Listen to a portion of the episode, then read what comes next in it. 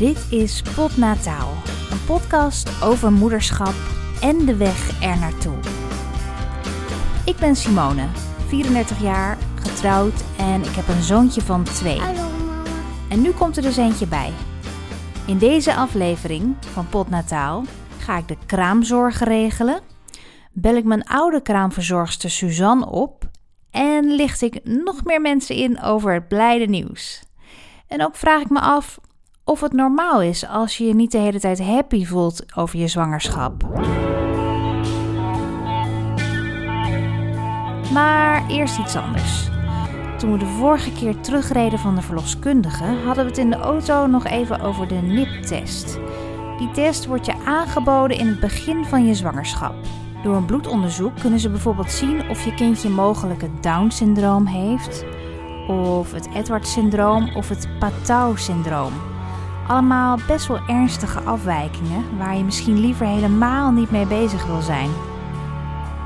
De NIP-test is een hele nauwkeurige test en de vorige keer dat ik zwanger was, werd hij nog niet standaard aangeboden. Nu wel. We hebben het erover in de auto.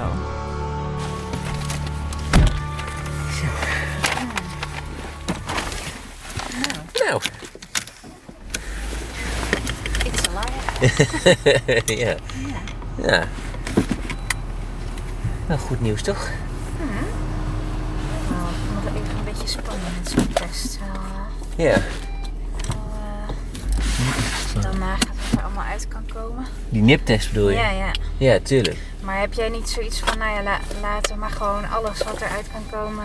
In theorie wel. Maar ja, dat het is zou een reden zijn om het niet te doen dan. Nou ja, hoe moet je het interpreteren? Hè? Ja, er komt dan uit, ja, hij, eh, hij, Ja, heeft dit en dit en dit. Ja, wat moet je dan doen? Ja. Dat is de grote vraag natuurlijk, ja. Ja, maar dat is dan, dan nog steeds toch hetzelfde als dat je het niet zou eh, Ja, weten. zeker. Nou ja, Nou ja, dan, dan is de keuze al voor je gemaakt. En Ja. anders kun je alsnog zeggen van, nou ja, we... exact, ja. Ja. Ik denk wel dat we dat doen inderdaad. Dat is, ja... Ja, aan de andere kant, waarom zou je wel, wel op down testen en niet Ja. op andere?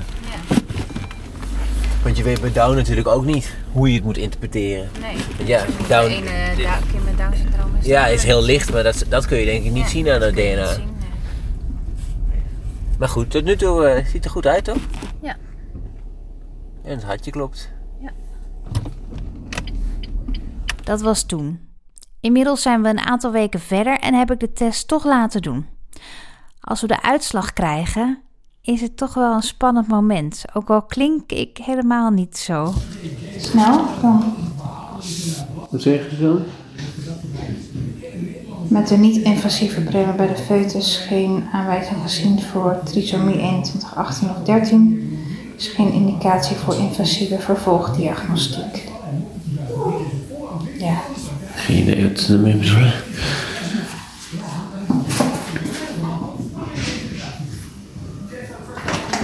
Maar kennelijk dus dat het... eh, ja dat Goed, staat, hè? dat staat in de mail van de... Ja. Oké. Oh, dat is van een verloskundige. Oh ja. Nou, dat is mooi.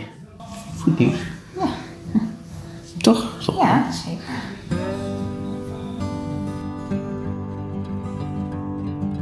Alles is goed. Wat een wilde. Het blijft toch, ja, om er maar even een cliché tegenaan te gooien, een wonder dat het allemaal zo goed gaat. En dat zien we dan ook bevestigd bij de volgende afspraak bij de verloskundige. We horen daar voor het eerst het hartje kloppen. Ben jij? Kijk.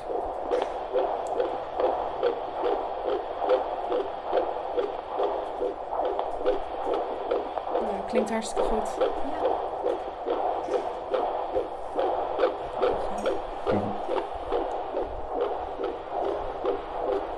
Maar ondanks al die blijdschap knaagt er toch iets bij mij. Ik zei het de vorige aflevering al. Ik voel me vermoeid en ik zit niet lekker in mijn vel. En hoe komt dat nou? Is het normaal als je niet de hele tijd super blij bent dat je zwanger bent? Na wat gegoogeld kom ik uit bij Frederik Dilling. Zij is psycholoog, moeder en heeft een eigen praktijk, Mama en meer. En daar helpt ze jonge moeders die in meer of mindere mate te maken hebben met depressieve gevoelens tijdens of na de zwangerschap. Ik vraag haar of het normaal is als je in de eerste drie maanden niet helemaal happy bent. Uh, ja, zeker. Ja, helaas uh, geldt dat voor uh, 40% van alle vrouwen, heb ik nog even opgezocht wat daar de cijfers in waren. Dat je onder invloed van alle hormonen, schommelingen, toch wel wat meer somber uitkomt dan dat je echt heel blij bent. Ja, ja precies. Want ja. er wordt natuurlijk altijd wel heel erg eh, in je omgeving heel vrolijk en blij gedaan. Van hé, hey, je bent zwanger, geweldig en fantastisch. En dat is natuurlijk ook zo. Maar mhm. ja, als ik mhm. kijk naar mezelf, dan ervaarde ik toch, toch iets anders. Ik bedoel, ik was zo blij dat het uh, gelukt was en uh, nou ja, dat je hopelijk een gezond kindje draagt. Maar ondertussen zat ik toch een beetje, ja, uh, ja, gewoon een beetje te worstelen. Te worstelen. Ja, ja. ja, en, maar ja. is dat dan echt vooral hormoon gerelateerd? Uh, nou, er zijn eigenlijk wat verschillende uh, redenen waarom je, in, vooral in de eerste maanden hebben we het dan over, die stemmingsklachten hebt. In eerste instantie zijn dat uh, inderdaad de hormonen en de veranderingen daarin. Die er natuurlijk op het moment dat je zwanger wordt, verandert er gewoon heel veel in je lichaam. En hè, dus er worden allerlei verschillende hormonen aangemaakt die je normaal als je niet zwanger bent niet of in mindere mate hebt. En waarom het eigenlijk in de eerste maanden zoveel sterker is dan, dan wat verderop in de zwangerschap, is omdat uh, uh, de eerste weken, dus tot een week of twaalf, de hormonen worden aangemaakt vanuit de eierstokken. En daar reageren vrouwen toch vaak uh, heftiger op dan wanneer dat na twaalf weken door de placenta wordt overgenomen. Dus dan zie je daar vaak een verandering in plaatsvinden. Dus dat het daar maar wat milder wordt. Mm. Uh, dus dat is waarom vaak, hè, dus als ik het heb over die 40% van de vrouwen die uh, bij de eerste maanden van de zwangerschap helaas gepaard gaan met wat sombere stemming, dat is vaak waardoor dat uh, verklaard kan worden. Um, en daarnaast is het ook nog zo dat je, je eigenlijk alles intenser beleeft. Hè? Dus waarschijnlijk ook dat je sterker proeft en, en ehm, gevoeliger bent voor, uh, nou ja, voor prikkels of voor uh, hè, dat je uh, dingen sterker ruikt. Mm -hmm. en, en zo is dat eigenlijk ook met emoties.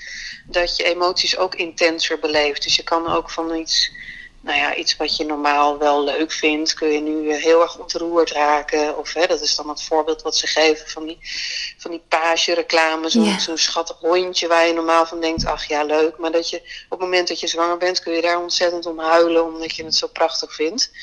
Uh, hè, dus dat, dat werkt met positieve gevoelens zo, dat je ze intenser beleeft. Dus, yeah. dus qua ontroering bijvoorbeeld.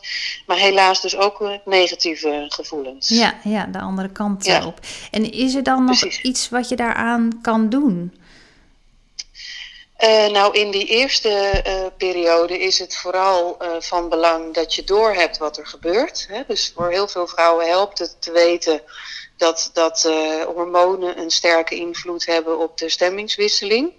En, en daarnaast ook nog, dat ik nog even te zeggen, vermoeidheid de mm -hmm. eerste maanden ben je vaak ook heel erg vermoeid. Ja. En, en een van de eerste symptomen die samengaan met, met vermoeidheid, ook als je langere tijd bijvoorbeeld niet geslapen hebt, zijn toch stemmingsklachten. Omdat je, ja, je cognitieve functies lijden wat uh, onder, uh, onder het slaaptekort. Hè, onder ja. de ernstige vermoeidheid. Dus dat zou ook nog kunnen bijdragen aan een wat sombere stemming. Ja, ja, ja. ik was wel, dus ik, ik, moet zeggen, voor, als ik voor mezelf spreek, ik was inderdaad mm -hmm. heel moe. Gewoon elke avond ja. om acht uur op de bank in slaap uh, vallen. Ja, ja, ja. Ja, dus ja. dat is niet echt uh, dat je zegt, uh, wat gezellig. nee, nee. Dus nee. je doet waarschijnlijk ook wat minder leuke dingen. En, en misschien ben je er ook nog misselijk bij. Hè? Dus dat helpt ook absoluut niet mee om het plezier uh, in de zwangerschap uh, vooral te beleven. Dus er zijn, nou ja, er zijn meerdere verklaringen die elkaar in ieder geval wel versterken.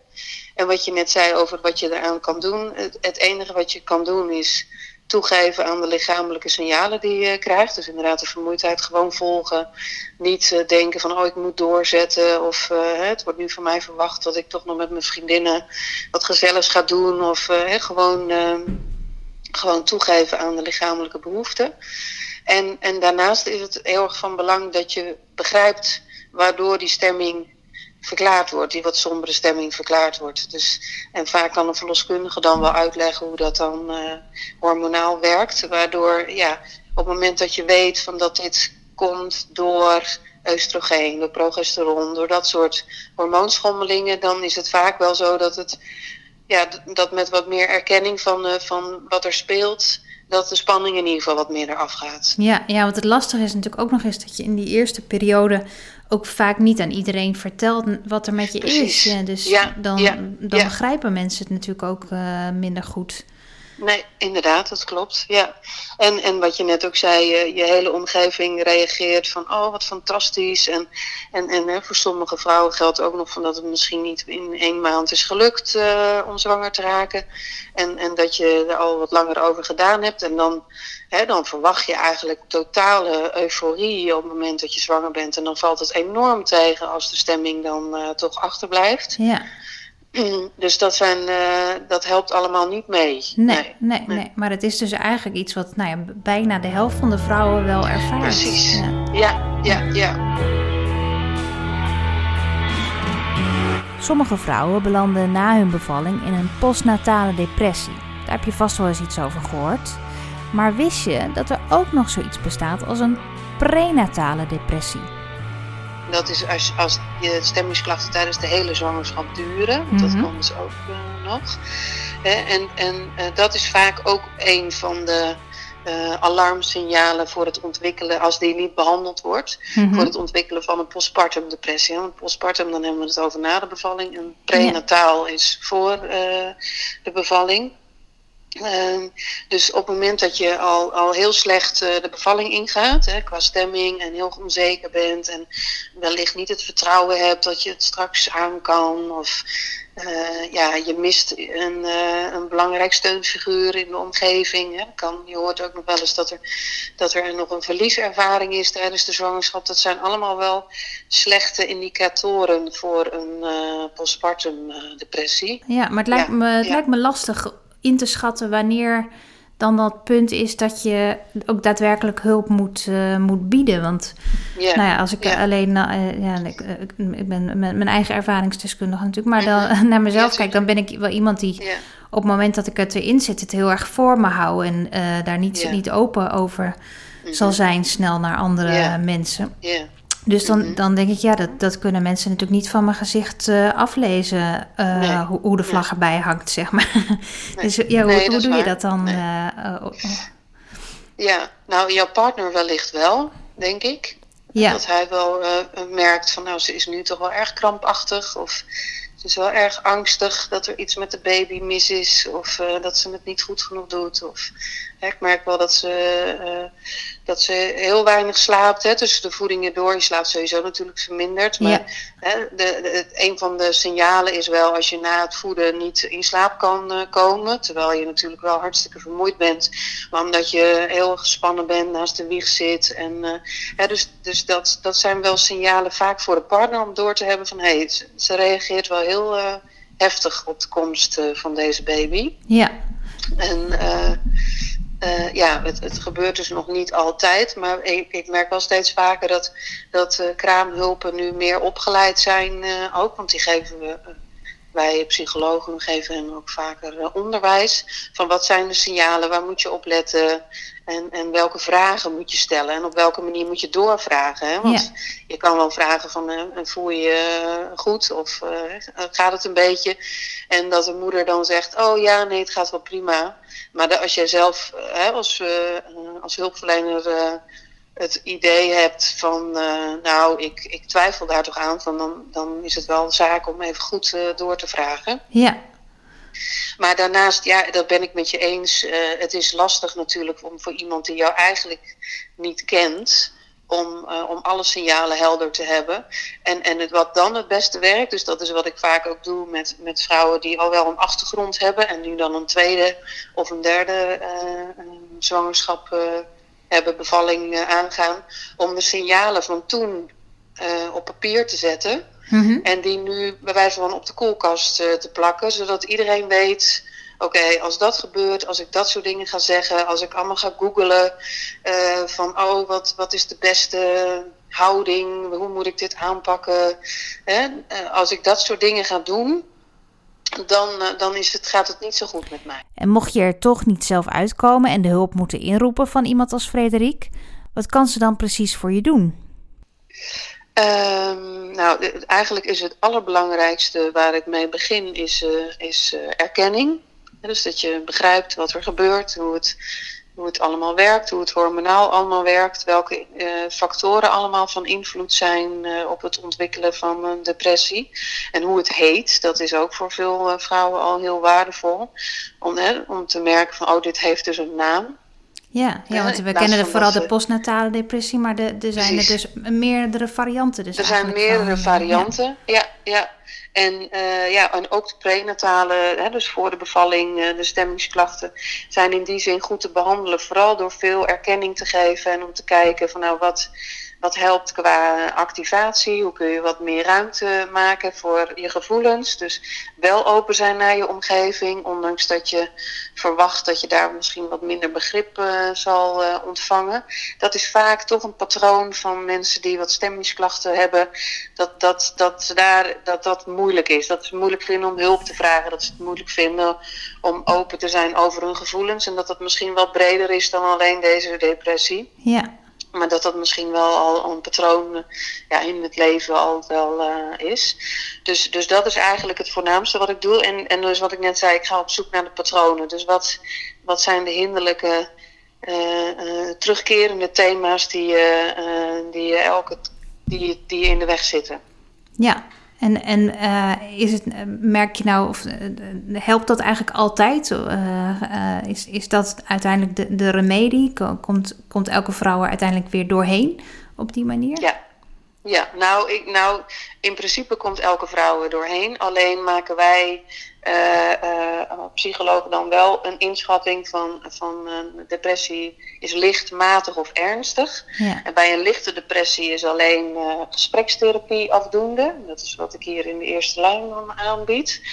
En als het een matige depressie is, dan is daar medicatie bij nodig. Ja. Uh, dus dan is het een duo-behandeling, dus met een psychiater erbij of een huisarts die medicatie voorschrijft.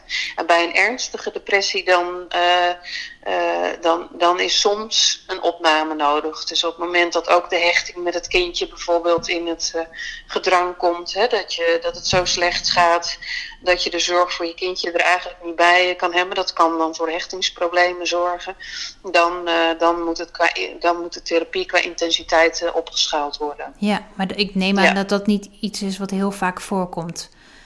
Nee, dat is, dat is echt heel zeldzaam. Ja. Ja. Dus daar, daar maar goed, er is, is, wel steeds meer aandacht voor. En uh, hier in de omgeving van Utrecht zijn ook al twee opnameafdelingen, heel kleinschalig, waar moeders dan met baby's voor een bepaalde periode samen terecht kunnen. Oh. Zodat uh, moeder dan behandeld wordt en dan ook veel aan activiteiten wordt gedaan met moeder en kindje. Dus, dus er zijn wel hele mooie programma's voor. Ja, ja. Oh, dat heb ik nog nooit, ja. nooit van gehoord. Maar dat, dat klinkt, nee. uh, dat klinkt ja. heel goed. Tenminste, ik kan me, kan me voorstellen dat dat, uh, dat dat heel goed kan werken. Omdat je dan ook met, met andere uh, vrouwen bent die hetzelfde ervaren mm -hmm. en steun hebt aan elkaar. Precies. Ja, dus, ja, nou en inderdaad, het lotgenotencontact is eigenlijk een heel groot deel van de therapie die zij doen. Hè? Dat het erkenning geven aan elkaar. En, ja, dat is, dat is heel waardevol.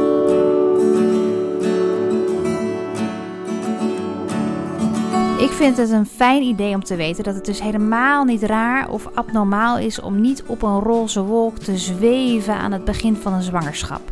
Je kunt er niks aan doen. En het goede nieuws is ook, in de meeste gevallen gaat het gewoon vanzelf weer over in je tweede trimester. Oh, en weet je wat trouwens ook leuk is? Frederik is zelf ook weer zwanger. Van haar derde. We gaan zelfs ongeveer gelijk op qua zwangerschap. Leuke vrouw, vond ik fijn om haar te kunnen spreken. Ook al lijkt het nog heel ver weg, toch is het ook heel belangrijk om nu al de kraamzorg te gaan regelen. Eerst bel ik even met mijn zorgverzekeraar. Goedemiddag, waarmee mag ik helpen? Ja, goedemiddag. Met uh, Simone Wijnand spreekt u. Hallo. Ehm, Goedemiddag. ik bel eventjes omdat ik eh, bij jullie zit en omdat ik in verwachting ben en me heb aangemeld ook bij een eh, kraamzorgorganisatie, maar eh, dat ook nog even bij jullie wil aanmelden. Dat klopt. Ehm, allereerst van harte gefeliciteerd. Dank u wel. En welk kraambureau heeft u gekozen? Het kraambureau van Suzanne. Nou ja, niet van Suzanne, maar waar zij bij zit natuurlijk. Zij was mijn kraamverzorgster toen ik bevallen was van Liewe. En ze is in één woord geweldig. Suzanne is een eh, knappe verschijning met rood haar, net als ik, midden 30 en zelf moeder van twee kinderen inmiddels. En ik mocht haar vanaf het allereerste ogenblik, vanaf dat ze bij ons thuis kwam, was het eigenlijk meteen heel natuurlijk. En eh, ik ken ook niemand met zoveel passie voor haar werk. Elke dag dat ze bij ons was, wist er een feestje van te maken. Als ze even niets te doen had, dan bakte ze een taart voor ons of vroeg ze of ik zin had in een voetmassage. Nou ja, welke kraamverzorgster doet dat nou? Dus als ik iets zeker weet, is dat ik Suzanne weer wil hebben in mijn kraamweek van deze baby. Maar zou zij dat ook willen? Molen. Hey, hallo Suzanne. ja, nou, nou snel op. Ja, dat klopt. Je zit in mijn broekzak. ja, eh, stoor ik je nu op dit moment? eh, of Nee. eh, komt het wel, wel Ik uit? ben aan het werk. Oké. Ik ben aan het werk, maar bij jou, bij jou om de hoek. Oh, serieus? Meen je dat nou? Ik dacht van, goh, zal ik even langs rijden, weet je, want het is Ja. wel druk. Ja. Maar eh, ik denk, eh, nou, ik kan je wel binnenkort even bellen. Maar eh, het is heel toevallig dit. Nou, nee, want ik, ik belde je eventjes niet zonder redenen natuurlijk. Ja. want het is, nog, het is nog wel eh, geheim in de geheimfase, maar ik ben bijna elf weken zwanger. Oh, wat leuk. Gefeliciteerd. Ja, ik dacht al, ik denk, waarom zou je bellen? maar- Zal wel iets met Oh, zwangerschap te maken hebben. Ja, dankjewel. Ja, ja, ja. En Dus, 诶，初一。Nou, wel iets eh, minder moet ik wel eerlijk zeggen dan de vorige keer in deze fase. Wel, ik ben echt heel moe. Echt veel eh, moeier dan, eh, dan de vorige keer wat ik me ervan kan Ja. herinneren. Maar echt dat je Maar gewoon... je hebt natuurlijk Liewe er ook nog bij, hè? ja, dat scheelt denk ik wel een hoop hoor, in energie. Ja. Maar ik ben echt om Ja. acht uur s avonds dan lig ik standaard uh, knock-out op de bankje. Ja, dus ja, dat is niet, niet zo gezellig. maar nou ja, ik hoop Oh, dat maar het... het is voor korte duur. ja, dat wordt wel weer beter, toch? Gaat, ja, ja, waarschijnlijk wel. De komende weken dan eh, gaat het wel steeds beter, hoop ik voor Ja, je. ja ik, ho- ik hoop het ook. En een, ja, een beetje, ik Hoe ben niet... eh, hij eh, is in oktober twee geworden. dus komende oktober ja. dan, dan wordt hij drie. Dus eh, ja. Oh, ja. Ja, dat is wel heel spannend. Ja, jij hebt natuurlijk ook wel twee, dus zag ik Ja, daarbij klopt. inmiddels. Gefeliciteerd. Ja, nog. Klopt, Wat dank leuk. je. Ja, ze is nu zeven maanden Ja. en Ben wordt bijna vier. Dus Zo. En is het goed dat te doen die gaat bijna naar school. met z'n tweetjes? Eh, ja, ja, is goed te doen. Het is eh, aanpoten, Ja. vind ik. Ja. Eh, maar het is heerlijk. Het is heel leuk om te zien hoe de liefde voor elkaar is. Dus de Leuk. twee kindjes, hoe Ben het zo ontzettend leuk vindt. Ja. Ook. Een, ja, dat een maakt koningskoppel, dat is ook wel heel bijzonder. Ja, Ja. ja, ja, dat, dat- ja, dat klopt. En straks Dat als hij naar zeggen, maar het is heel leuk. Ja, en als hij naar school is straks, dan, eh, dan heb je weer wat meer je handen vrij natuurlijk. Dat scheelt Ja, ook wel ja. weer, eh, denk Ja. ik. Ja. Maar eh, Zeker. ja, nou, je hebt er goede ervaringen mee, dus dat, dus dat scheelt. Ja. ik vind best wel weer, wel weer spannend. Maar nou ja, we gaan het maar zien de komende tijd, wat het gaat worden. Ik Maar- heel, even, Ja. even heel even een momentje, ja, natuurlijk. Het kramen gaat natuurlijk even voor, dus we moeten ons gesprek eventjes onderbreken. Ja, daar was je weer. ja, even de crisis opgelost, eh, denk ik. Ja, ja, klopt. Nee, want eh, ik, ja, ik vroeg me natuurlijk af of jij zin hebt om weer bij ons te komen kramen Nou, dat tegen zou die ik tijd. super leuk vinden. We zijn bijna bij het einde van deze potnataal, maar niet zonder nog eventjes wat blije vertelmomentjes. Dankjewel. Oh, gefeliciteerd. Ja. Yes. Ja, Oh. Zo. Nee. Echt? ja, Oh, vertel. ja. Nou, ik dacht, Zwanger gefeliciteerd. dankjewel. Nee, echt? Ja, Oh, wat superleuk. Ja, Oh, van harte gefeliciteerd. dankjewel. Hoe lang Ja. al? Nou, eh, ik zit al bijna bij de elf weken inmiddels. Nou, wat gaat een al, wat goed. Ja, het schiet wel op. En dat was hem weer. Volgende potnataal breng ik een bezoekje aan Manon Meijers. Haar ken je vast wel van tv. Ze is een bekende styliste en ze barst van de handige tips voor zwangere vrouwen om je leuk te kleden. En waarom is roze voor meisjes en blauw voor jongetjes? Op die vraag krijg je ook antwoord. Meer over deze en andere podcasts vind je op dagennacht.nl. Of je kunt even kijken op de site van Ouders van Nu. Daar staat Potnataal ook op. En eh, oh ja, als je dan naar iTunes eh, gaat om hem te beluisteren, zorg dan even dat je abonneert. Heel belangrijk natuurlijk. En ik zou het ook leuk vinden als je laat weten wat je ervan vindt eigenlijk. Dus eh, laat even een review achter, zoals dat zo mooi heet. Oké, dat was hem weer. Thanks en tot de volgende.